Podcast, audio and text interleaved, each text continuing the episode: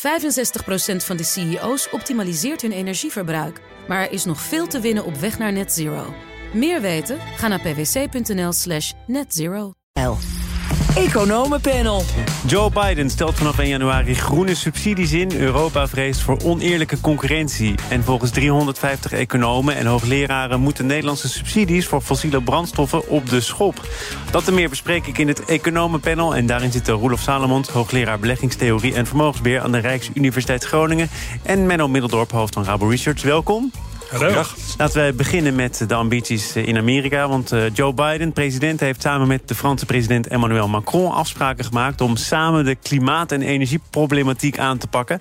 En daarnaast heeft Macron geprobeerd de duimschroeven iets aan te draaien als het gaat over de Inflation Reduction Act, die op 1 januari ingaat en nadelige gevolgen zou kunnen hebben voor het Europese vestigingsklimaat. Inmiddels heeft commissievoorzitter Ursula von der Leyen zich daar ook over uitgelaten. Menno, laten we maar beginnen bij die Inflation Reduction Act. Uh, die heeft volgens mij weinig met het reduceren van inflatie te maken, toch? Dat klopt. Uh, de politiek was dat een handige naam. Want dat was het moment waar iedereen zich heel erg zorgen maakte over inflatie. Nog meer dan nu, zelfs in Amerika. Um, en uh, dus de dacht van, nou, noem het maar de Inflation Reduction Act. Dan krijgen we het wel doorheen. En het lukte ook nog. Dus uh, eigenlijk... Ja, wel afgeslankt, hè, volgens mij. Want als je echt kijkt naar de oorspronkelijke plannen van Biden... Ja. dan waren die nog weer een paar jasjes groter. Dat was dus de Build Back Better. Um, en die is er dus inderdaad... Die leek echt uh, gesneuveld te zijn. En toen op het laatste moment kwam er toch een deal. Um, waardoor in ieder geval de Democraten erover eens waren. En toen kreeg je inderdaad die Inflation Reduction Act. En er zitten een aantal dingen in.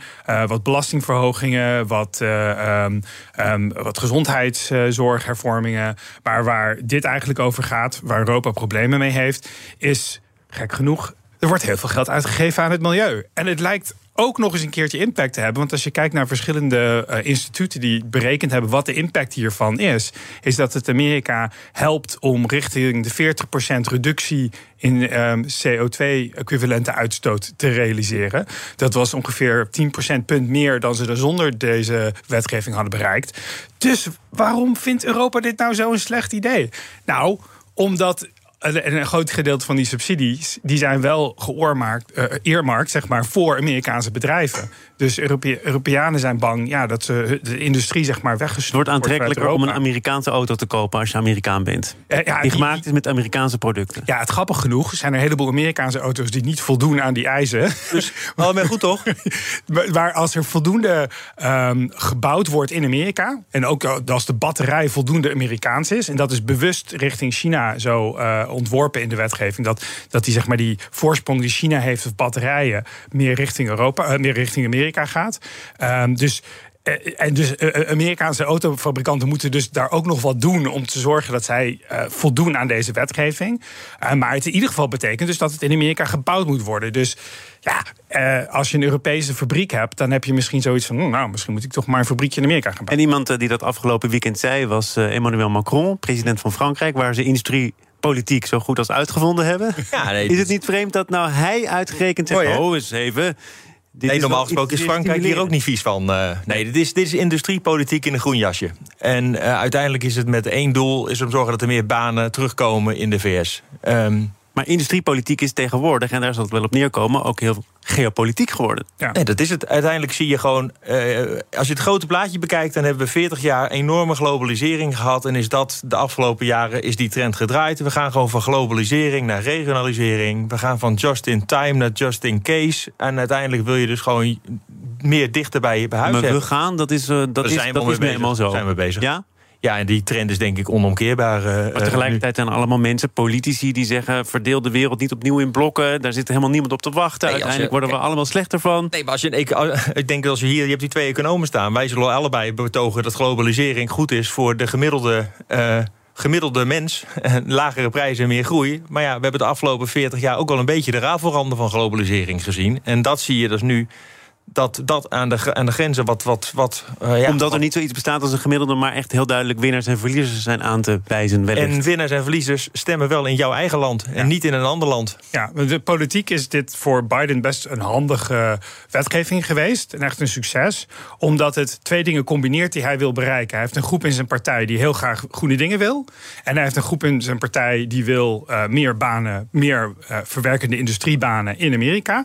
En dit bereikt beide dingen tegelijkertijd. Dus het is echt wel voor hem uh, super wetgeving. Alleen voor Europa, dat groen is prima. Maar dat, uh, dat banen in Amerika is wat minder als dat ten koste gaat van banen in Europa. En ja, het antwoord die nu lijkt op te komen vanuit Europa is: uh, ja, je hebt eigenlijk twee opties. Heel boos worden op Amerika, misschien ze in de WTO aanklagen. Maar ja, dat lukt, dat heeft geen zin, want dat duurt heel lang. En de, er zijn niet genoeg rechters. Er zijn niet genoeg rechters, dankzij de Amerikanen. Um, of ze kunnen zeggen: van, ja, dan gaan we zelf maar aan de slag ja, met en, subsidiëren. En, en, en, dat lijkt nu dan ja. toch het voornaamste verhaal te zijn, de eerste reactie te zijn. En dat komt dan ook neer op subsidiëren. Ja, en dat is misschien wel goed voor het klimaat, maar slecht voor de begrotingen in Europa. Uh, dat, dat, is een beetje de afruil die hier. Maar goed voor de banen in Europa? Ja, dat.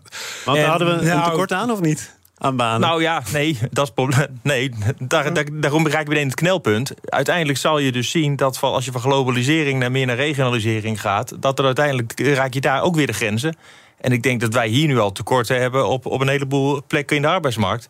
Ja, die worden er hier niet minder door. Nee, maar je krijgt misschien wel een verschuiving van de soort banen. En daar gaat natuurlijk de Amerikanen om. De Amerikanen hebben nooit echt een groot probleem gehad met werkgelegenheid per se. Wij wel? Uh, ja, wel in Europa, maar in Amerika niet per se. Maar het ging er altijd om van, ja, die verwerkende industrie... dat vonden we hele fijne banen. Uh, en in plaats van dan hebben we burgerflippers. Uh, dat, dat is eigenlijk de, de betoog die, de, um, die, die die al jaren speelt in Amerika, al decennia al. Ja, en dit is een, Biden geeft daar eigenlijk antwoord op. Uh, en Trump had daar ook een antwoord op. En eigenlijk is dit Bidens antwoord op Trump. Ja, want Buy American is toch ongeveer hetzelfde als America First, of niet? Ja, alleen America First had niet echt een, een stuk wetgeving waar je naar kon wijzen die echt uh, de miljarden tegenaan gooide. Uh, en en dat, dat is hier wel het geval. Uh, laten we nog even luisteren naar wat onze Europa-correspondent Stefan de Vries zei over misschien wel European First, by European Act. Zit dat eraan te komen of niet? Dit was volgens hem de inzet van Macron afgelopen weekend. De inzet van Macron is eigenlijk uh, aan een, een, boodschap aan zijn 26 collega-leiders van de Europese Unie dat wij ook een uh, Buy Europe Act moeten gaan maken. dus het was eigenlijk meer een, een optreden om ja, de Europeanen te laten zien dat we hetzelfde moeten doen als de Verenigde Staten. Roelof, hoe zou dat... Uh, ja, je steekt je vinger al op. Ik ja, ben heel benieuwd. Kijk, ik heb ik begrijp het helemaal. Ik heb alleen één probleem hiermee. Want wie gaat nu dan bepalen welke sectoren en welke banen en welke dingen zo belangrijk zijn? Als, en ik zou dat het liefst toch niet aan de Fransen overlaten, want zelfs Danone wordt daar gezien als strategisch belang voor Frankrijk. Um, dus als je net begon van Frankrijk is er ook niet vies van. We weten uiteindelijk ook dat um, politici niet de beste zijn om de topsectoren te, te kwalificeren, om maar even uh, tong in cheek te zeggen. Um, dus daar, zit wel, daar, daar gaat het wel wringen uh, op een gegeven moment. Maar ja, dat je uiteindelijk meer naar regionalisering gaat en ook meer banen wil creëren in Europa. Ja, dat begrijp ik wel. Maar, maar Menno haalde het al aan en eerder in deze uitzending ook Arno Boot. Die zei, doe het alsjeblieft niet. Ga nu niet subsidiëren. Alles wat we hebben besproken over hoe je inflatie te lijf moet gaan... staat haaks op nog weer meer geld in de economie pompen. Nee, dit is uiteindelijk... Die, je begon het begin met, dit is geen inflation reduction. Als wij het in Europa gaan doen, is dit, uh, is dit industriepolitiek... en leidt het uiteindelijk tot hogere, hogere prijzen voor iedereen. Ja, die uitgaven in ieder geval. Hè, dus dat, dat klopt. En ook de begrotingen, um, die, uh, die moeten dit ophoesten. Maar dan zie je steeds echt in de hele energie- en klimaatpolitiek... dat we de, de, het eerste optimale beleid is uh, belasting. Hè? Gewoon uh, carbon taxes. Ja. alleen daar moet je dus iedereen voor rondkrijgen. daar, daar, daar, zou je in feite het liefst willen dat de hele wereld... 350 hoogleraar aan economen gevonden. Ja, de economen die kan je ervoor vinden. Alleen politiek is het knap lastig. Het is veel makkelijker om te zeggen van... Um, ik, ik, veel makkelijker politiek in ieder geval. Niet qua begroting, maar qua politiek is het makkelijk... om gewoon geld uit te geven. Ja. want dan kan, je, dan kan je zelf doen. En daar verlies je er geen banen door. Terwijl als je zelf als eerste belasting gaat verhogen op dan is dat, benadeel je jezelf in de concurrentiepositie. Dus um, daarom zie je dat, dat, dat de wapenwetloop nu uh, via die subsidiekant gaat.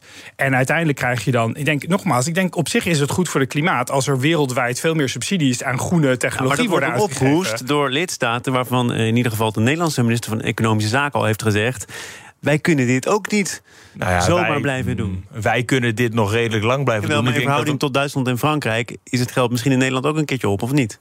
Het is een, ja, relatief gezien hebben wij minder geld eh, te besteden dan Frankrijk en, en Duitsland. Maar ik denk ook wel dat de kapitaalmarkten Nederland uh, veel meer ruimte gaat geven. Ja. Dan dat uh, men aan. Nou, Duitsland zal men ook veel ruimte geven. Frankrijk gaat men minder ruimte geven ja, uiteindelijk. Italië, daar, daar dat, en dat is, dat is een van de twee die, dingen die. De, twee dilemma's van dit hele dynamiek. De eerste werd, wordt eerder al genoemd. Hè, dus dat uh, geopolitiek. Uh, we willen juist dat Europa en Amerika, of dat wil Biden ook, dichter bij elkaar komen qua geopolitiek. Uh, maar dit, dit, dit is dan precies de omgekeerde richting. En ten tweede, binnen Europa. Ja, Europa is een, is een, is een creatie die echt op het gelijke speelveld is gemaakt. Hè? Dus dat is de hele manier dat Europa werkt. En dit zet dat juist weer onder spanning. Als je dan zegt van nou Duitsland kan heel veel geld gaan uitgeven uh, aan, aan, aan, aan, groene energie. Is nu al gebleken trouwens met hun steunpakket. Werd ook niet door iedereen uh, juichend ontvangen. Ja, ja. ik, heb de, ik heb geen weinig beleggers horen, horen klagen uiteindelijk. niet. Maar volgens mij ging het hier wel over de eenheid van Europa. Nee, en dat, dat werd klopt, gezegd, het ene steunpakket ziet er heel anders uit dan het andere. En uiteindelijk leidt dat tot een Europa met verschillende snelheden. Ja. Uh, dat klopt. Omdat het ene land in Europa meer ruimte heeft dan het andere land in Europa. Omdat het ene land in Europa beter op zijn begroting heeft gelet dan de andere landen in Europa.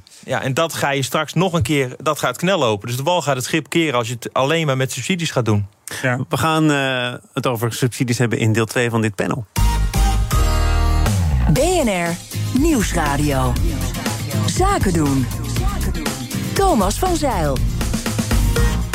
Het economenpanel bestaat uit Roelof Salomons en Menno Middeldorp. En we gaan het hebben over subsidies. Want de Nederlandse overheid verstrekt nog altijd miljarden euro's aan subsidies op fossiele brandstoffen. En dat kan Nederland zich niet langer meer permitteren. Betogen ruim 350 economen en hoogleraren eh, in een opiniestuk dat verscheen in economenvakblad ESB. Een van de ondertekenaars, niet een van de schrijvers, maar je kunt je wel vinden in de inhoud. Staat hier, Roelof, uh, waarom staat jouw handtekening eronder? Nou, ik hoef hier niet echt heel lang over na te denken. Omdat, uh, je noemde het net zelf ook al over de CO2-belasting. Die brief stond vier jaar geleden in hetzelfde, in hetzelfde blad. Uh, daar hebben toen ook uh, meerdere hoogleraren voor geschreven. Omdat dat de manier is. Als je dan even terug gaat filmen en je gaat dan kijken van... oké, we moeten dus eigenlijk CO2-belasting hebben. Dat is goed voor iedereen. En je gaat aan de andere kant dan kijken... dat we aan de andere kant dus nog subsidie hebben op fossiele brandstoffen... waar we er minder van moeten hebben. En je ziet dan dat 7% volgens de IMF besteed wordt aan subsidies daarvan en maar 0,1% op subsidies op nou ja, renewables. Ja, dan ben je dus aan de ene kant ben je, probeer je te duwen... en aan de andere kant ben je aan het trekken. En wat voor, wat voor subsidies zijn dat dan? Want dat stuk spreekt heel duidelijk over expliciete en impliciete subsidie. Kijk, expliciete subsidie, laten we het heel simpel houden. Uh, als jij uh, een, vliegticket uh, koopt... dan wordt er nog steeds geen belasting gegeven op, op kerosine. Nou, dat is een van de dingen waar je denkt... van dat, dat, is, dat is raar. Terwijl als je wel... Als je maar noem, je dat, noem je dat subsidie? Ja, jullie dus wel. Ja, dat noem je subsidie. van. deze, deze denkwijze wel. Okay. Deze denkwijze wel, ja. En uiteindelijk wat je ook ziet... als je economen vraagt wat zijn dan de impliciete kosten die je niet ziet? Dus de, hoe noemen we dat, een economenpanel mag je de term externaliteiten gebruiken. Dus de kosten die je niet ziet in de, in de prijs, dat transparant maken. Ja, dat is uiteindelijk dat is waarom je CO2-belasting nodig hebt. Want dan maak je die kosten die je dus verhaalt, die je eigenlijk neerslaat op de rest van de samenleving, die zou je eigenlijk dan in de prijs terug moeten zien.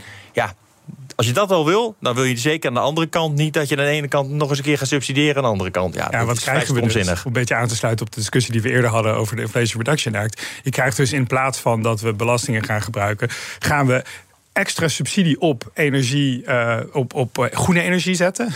om eigenlijk weer evenwicht te creëren in het geheel. In plaats van dat we um, belasting heffen op wat we niet willen. Maar dan is toch de vraag eigenlijk: wat is effectiever? Het beprijzen van vervuilen of het subsidiëren van verduurzamen? Ja, dus maar in ieder geval niet het subsidiëren van vervuiling.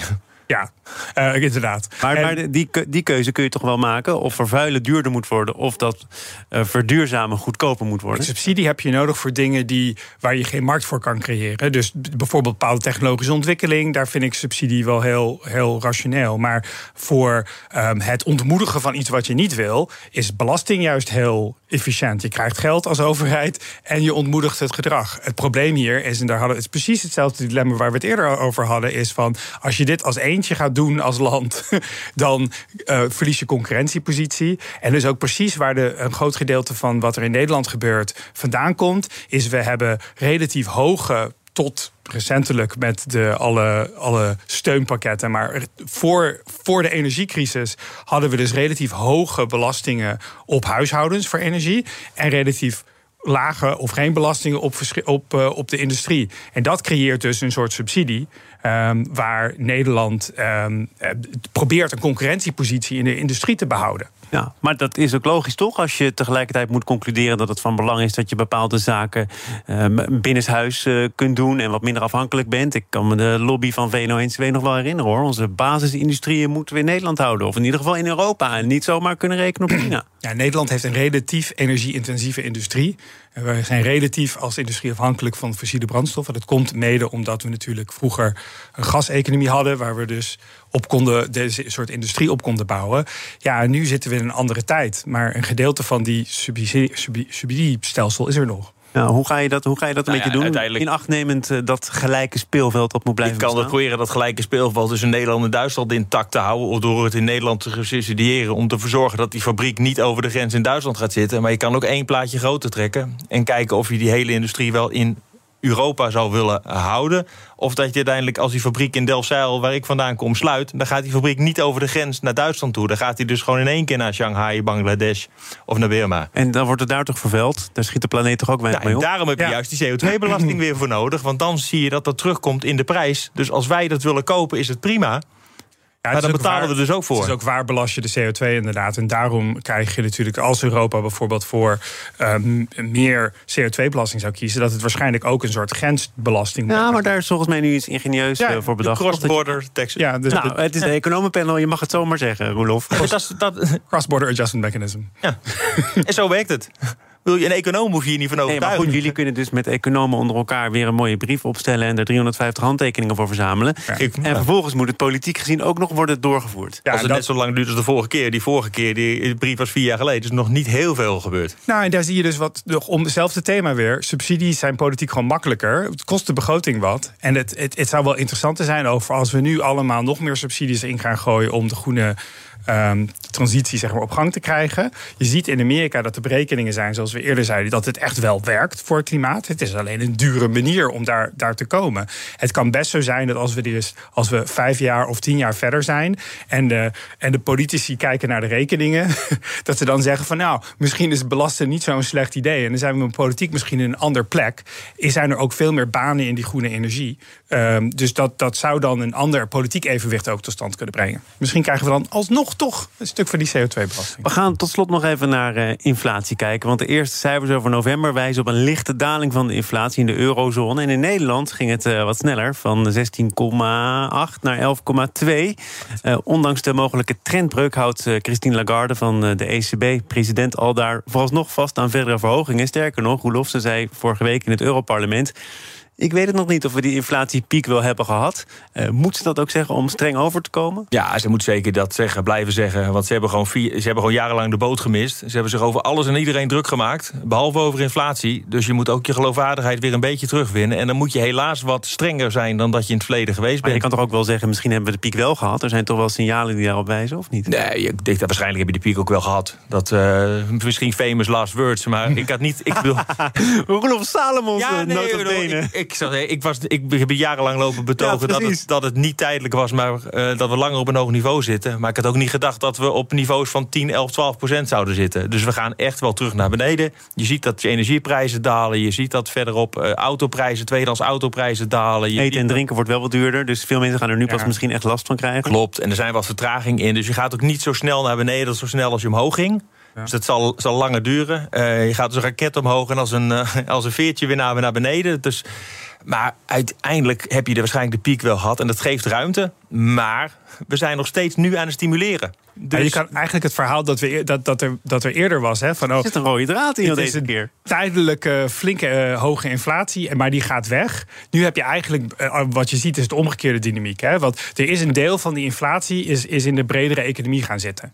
Um, dus als je kijkt naar de inflatie zonder de energie dan zie je dat, dat die nog steeds hoog is. Die gaat niet omlaag. Die is niet omlaag gegaan de laatste cijfers. En dat is eigenlijk waar de ECB zich nu zorgen over maakt. Ze, hebben, ze, ze zijn nu overtuigd dat het niet een tijdelijke piek is voor de, vanwege energieprijzen. Maar dat het breder is geworden. Ja, en dan moeten ze dus ook dus bewijs zien dat die bredere inflatie um, echt duurzaam richting de 2% gaan voordat ze kunnen stoppen met, uh, met krapper monetair beleid? Uh, nou, jij noemt het krapper, stoppen met krapper monetair beleid. Ze zijn gewoon nu nog steeds aan het stimuleren. De reële rente is gewoon nog steeds hartstikke laag. We zitten nog, we zitten nog op negatieve reële rentes. Dat is gewoon stimuleren. Terwijl overheden ook nog alles compenseren. Dus je bent toch enorm stimulerend. Maar enorm of niet? Want uh, Klaas Kont heeft het over... we betreden binnenkort neutraal terrein. We, betreden, we, betreden, binnenkort neutraal terrein. Dat betekent dus dat hij nog steeds vindt dat we aan het verruimen zijn. Ja, en daarom nou, moet je dus doorgaan met, met, richting die neutraal terrein... of misschien zelfs daarboven... om dat, dat laatste stuk van die inflatie... Um, die, die in dat die nu zeg wat meer duurzaam is geworden, eruit te knijpen. Dus daar zijn ze nog wel even mee bezig. Daar zijn ze nog wel even mee bezig. En de vraag is dan, hoeveel mag dat economisch kosten? Want Lagarde heeft het in het Europarlement ook gehad over economische prognoses. En we moeten wel kijken hoe en of de economie tot stilstand komt... en wat ons allemaal waard is. Er is niemand die nog niet meer gelooft dat je volgend jaar een recessie hebt in Europa. De vraag is alleen hoe diep wordt die recessie. Nou, je komt wel in Nederland net boven de nul uit als je kijkt naar de groei, toch? Rabobank vandaag? Nee, maar goed, die, de recessie is twee kwartalen van. Uh, dus dat, dat, dat lijkt er wel dat dat gaat gebeuren. En een deel van die die groei die we dus zien in het jaargemiddelde komt eigenlijk doordat er dit jaar groei was en dat dat rekenkundig doorwerkt in de, in de jaargemiddelde. Dus, dus dat, dat is een beetje misleidend eigenlijk, die, die stukje groei die we nog wel zien uh, in de jaarcijfers. Het gaat, geen, het gaat niet voelen als groei. Uh, nou ja, kijk, aan, aan, de, aan de zal het wel meevallen, denk, denk, denken wij. En dat is denk ik ook een beetje de consensus... dat de werkloosheid niet heel hard hoeft op te lopen. Dus de, pijn zit veel meer in de prijzen hè, en in, de portemonnee. En dat, dat wordt heel breed gevoeld. Um, en of, het nou, of je nou de BBP-cijfers net een minnetje of niet laten zien... in bepaalde kwartalen... de, de gemiddelde huishouden wel zal zoiets eh, hebben van... ja, ik kan minder besteden. En daar komt de pijn vandaan. Menno Middeldorp, hoofd van Rabo Research... en Roelof Salomons, hoogleraar beleggingstheorie... en vermogensbeheer aan de Rijksuniversiteit Groningen. Dank voor jullie bijdrage aan dit economenpanel. En alle mooie termen die weer voorbij mochten vliegen hier het afgelopen half uur. Graag gedaan. Zometeen dan uh, kijk ik of geurtjes, geproduceerd op basis van een algoritme... geniaal of juist onzinnig zijn. 65% van de CEO's optimaliseert hun energieverbruik. Maar er is nog veel te winnen op weg naar net zero. Meer weten? Ga naar pwc.nl slash netzero.